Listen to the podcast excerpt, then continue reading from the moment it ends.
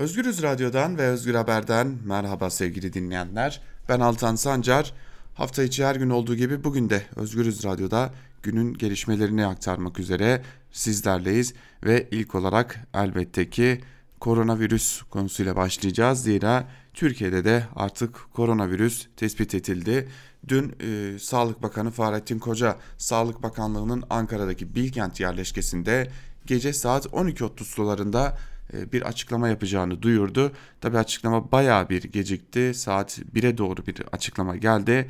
Fahrettin Koca e, saat 1'e doğru kameraların karşısına geldi ve bir açıklama yaptı. Bakan Koca büyük bir mücadele verdik ancak e, küresel bir salgınla karşı karşıyayız ve bundan dolayı da yapacak bir şey yok. Bizde de tespit edildi dedi.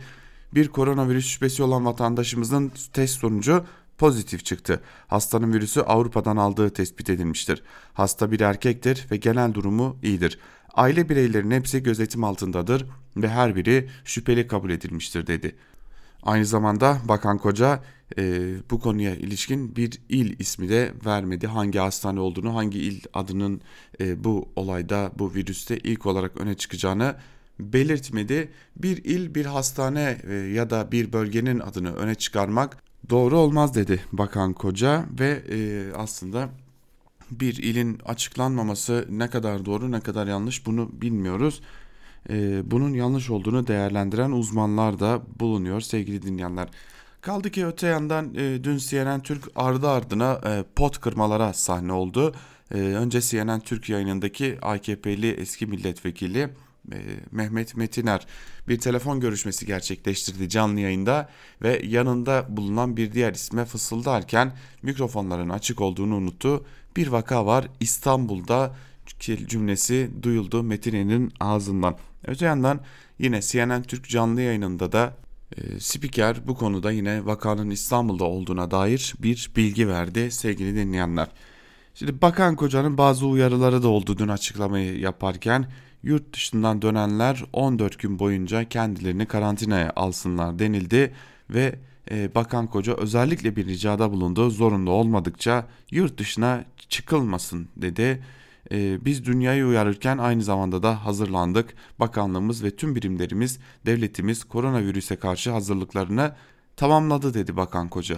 Evet, Türkiye'deki ilk vakayla karşı karşıyayız. Öte yandan Sağlık Bakanlığı'na bağlı Türkiye Hudut ve Sahiller Sağlık Genel Müdürlüğü'ndeki çalışanların da izinleri ikinci bir emre kadar e, iptal edildi. Bu bölgelerde de çalışanlar artık işlerinin başına dönecekler.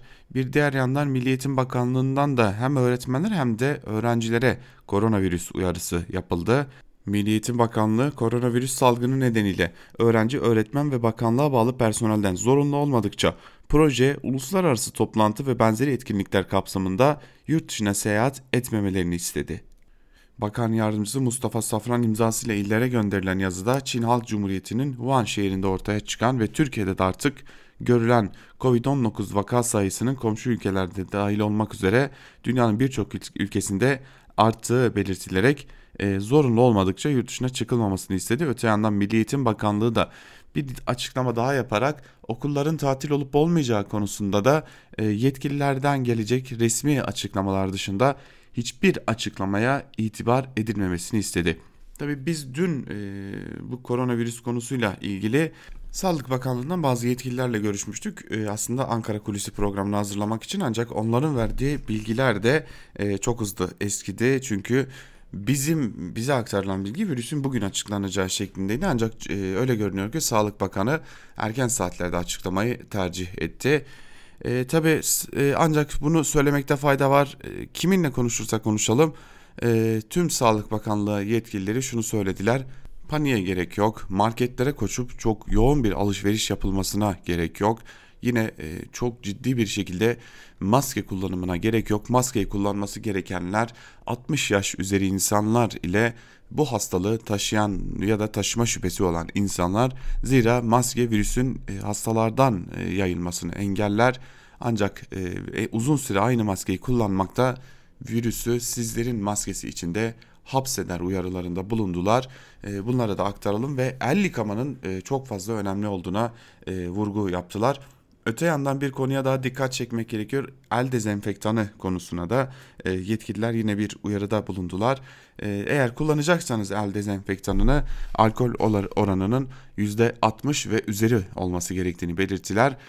Buna dair de öyle eczanelerden koşarak bir e, dezenfektan almaya ihtiyacınız olmayacağını zira Türkiye'de neredeyse her evde bulunan bir durumun olduğunu kolonyalarında dezenfektan olarak kullanılabileceğini zira çoğunda alkol oranının %70 70 ve üzeri olduğuna da dikkat çektiler. Evet e, yani Sağlık Bakanlığı yetkilileri paniğe gerek yok. Paniğe kapılmak e, asıl kötü olan şeydir diyorlar ve e, bu konuda dikkatli olunması noktasında e, uyarılarda bulunuyorlar. Öte yandan Cumhuriyet Halk Partisi'nden de e, bir açıklama geldi. Sağlık Bakanı Fahrettin Koca'nın yaptığı açıklamanın ardından CHP Genel Başkan Yardımcısı Seyit Torun da ilk koronavirüs vakasına ilişkin umuyoruz ki vaka sayıları artmadan virüs kontrol altında tutulabilir ifadesini kullandı.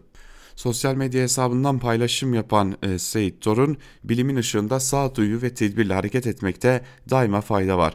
Tüm sağlık çalışanlarımızın emeklerine şimdiden teşekkür ederiz. Umuyoruz ki vaka sayıları artmadan virüs kontrol altında tutulabilir değerlendirmelerinde bulundu ve şunları da kaydetti. Bu süreçte belediyelerimiz okul, toplu taşıma araçları, durakları, ibadethaneler ve vatandaşlarımızın yoğun olarak bulunduğu benzer alanlarda dezenfektasyon ve hijyen çalışmalarını hali hazırda başlatmıştır ve hassasiyetle gerçekleştirecektir. Öte yandan dün Halkların Demokratik Partisi de bir önerge vermişti. Bu durum incelensin, koronavirüs konusunda bir araştıralım diye o önergede reddedilmişti AKP ve MHP'nin oylarıyla. Bunu da hatırlatalım. Şimdi bir de dünya genelinde durum ne ona bir bakalım sevgili dinleyenler. E, dünya genelindeki tabloyu da aktaralım sizlere. Çin'in Wuhan kentinde ortaya çıkan ve bütün e, dünyayı neredeyse yayılmaya devam eden e, koronavirüs salgını nedeniyle Çin'de hayatını kaybedenlerin sayısı 3161'e yükseldi. Ulusal Sağlık Komisyonu'ndan yapılan açıklamaya göre ülkede Covid-19 salgınından son 24 saatte 22 kişi yaşamını yitirirken 24 yeni vaka saptandı. Yeni can kayıplarının tümü salgının merkez üssü durumundaki Hubei eyaletinde oldu. Ülkede bugüne kadar salgın nedeniyle yaşanan can kayıplarının 3'ü Hong Kong özel idari bölgesinden olmak üzere toplam 3161'e ulaştı. Diğer yandan saptanan vaka sayısı da 4492'sinin durumu ağır olmak üzere 80.778'e yükselirken şüpheli vaka sayısı 285'e, gözetim altındaki kişi sayısı da 14.607'ye geriledi. Ve gelelim İtalya'ya. İtalya'da önemli bir durumda tamamının kırmızı alarm ilan edilen bir ülke haline geldiği İtalya'da vakalar giderek artıyor. İtalya'da koronavirüs salgını nedeniyle hayatını kaybedenlerin sayısı 168 kişi artarak 631'e yükseldi. Napoli kentinde sağlık görevlileri tarafından e, kimi e, adalara seyahat edecek olan yolcuların ateşleri ölçülerek sağlık kontrolleri yapıldı. 6 Mart tarihinde Gürcistan-İtalya e, arasındaki uçak seferlerinin iptal edilmesine dolayı İtalya'dan ülkesine dönemeyen 156 Gürcistan vatandaşı ise gece saatlerinde başkent Tiflis'e getirildi. Tayland'da da koronavirüs salgını açısından yüksek risk taşıyan ülke ve bölgelerden gelen yolcu gemilerinin mürettebat ve yolcuları karantinaya alındı. Öte yandan Orta Amerika ülkesi Panama'da da yeni tip koronavirüs nedeniyle ilk ölümde gerçekleşmiş oldu sevgili dinleyenler. Evet dünya çapındaki tabloda böyle tekrar hatırlatalım.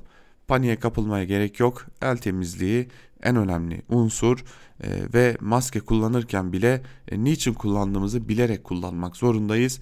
E, eğer çok dikkatli olursak ve paniğe kapılmazsak belki de ülkece en az zararla bu virüsü atlatmış olacağız diyelim ve bir diğer haberimize geçelim sevgili dinleyenler. Bugün Berkin Elvan'ın ölüm yıl dönümü. Evet Berkin Elvan'ı biz yine 7 yıl önce 11 Mart'ta kaybetmiştik. Berkin Elvan bugün ölüm yıl dönümünde anılacak. Öte yandan anne e, ve baba Elvan da Evrensel Gazetesi'ne kısa açıklamalarda bulunmuşlar. Onları da paylaşalım sizlere. Sami Elvan şunları söylemiş. 7 sene oldu. Yaşadığımız çok kötü günler. Kimsenin başına gelmesini istemem. Benim çocuğumu polis sokak ortasında öldürdü. Eş, benim eşim meydanlarda yuvalatıldı. Trabzon'da öldürülen Eren Bülbül'ün fotoğrafları ile yan yana koyup benim çocuğuma terörist dediler. Bunlar çocuk. Ben hala adliyelerde adalet arıyorum. Ben kendi halinde çocuklarını okutmak için canla başla çalışan bir işçiydim. Kimseye haksızlık yapmadım, hak yemedim dedi. Anne Gülsüm Elvan ise benim oğlum daha 14 yaşındaydı. Benim çocuğumu sokak ortasında vurdular. İzin vermediler hastaneye götürsünler. Belki kurtulurdu benim çocuğum izin verselerdi. Ben çocuğumu ne hallerde büyüttüm. Şimdi tabii ki herkesin çocuğu kendine kıymetlidir. Herkesin çocuğu canıdır. Her şeydir. Bizim çocuğumuz da öyledir. Bizim çocuğumuz aramızda olmadığı o yedinci seneye gidiyoruz. Yüreğimiz paramparça hem benim hem eşimin hem ailemin hem işte teyzeleri dayıları herkesin. Berkin'e dair her özel günde bu evde kıyamet kopuyor demiş anne Elvan'da sevgili dinleyenler. Tabi şimdi baktığımızda görüyoruz ki e, yine e, Twitter'da sosyal paylaşım sitelerinde e, hakaretler var özellikle Berkin Elvan'a yönelik. Tabii biz bu hakaretleri ciddiye almıyoruz ancak her ölüm yıl dönümünde de bir anne ve babaya bu acıyı yaşatmaya kimsenin hakkı yok.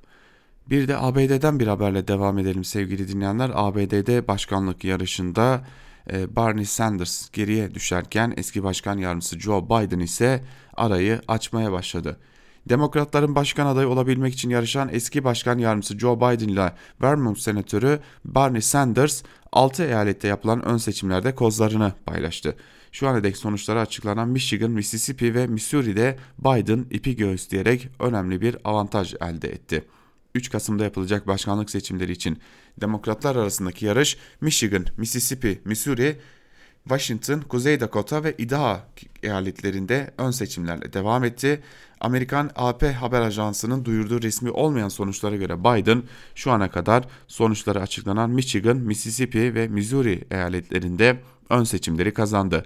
Biden 2016'da Cumhuriyetçi Donald Trump'ın kazandığı Michigan eyaletinde oyların yaklaşık %53'ünü alarak Sanders'ın önünde yarışı tamamladı. Aynı eyalette Sanders ise oyların yaklaşık %40'ını aldı sevgili dinleyenler.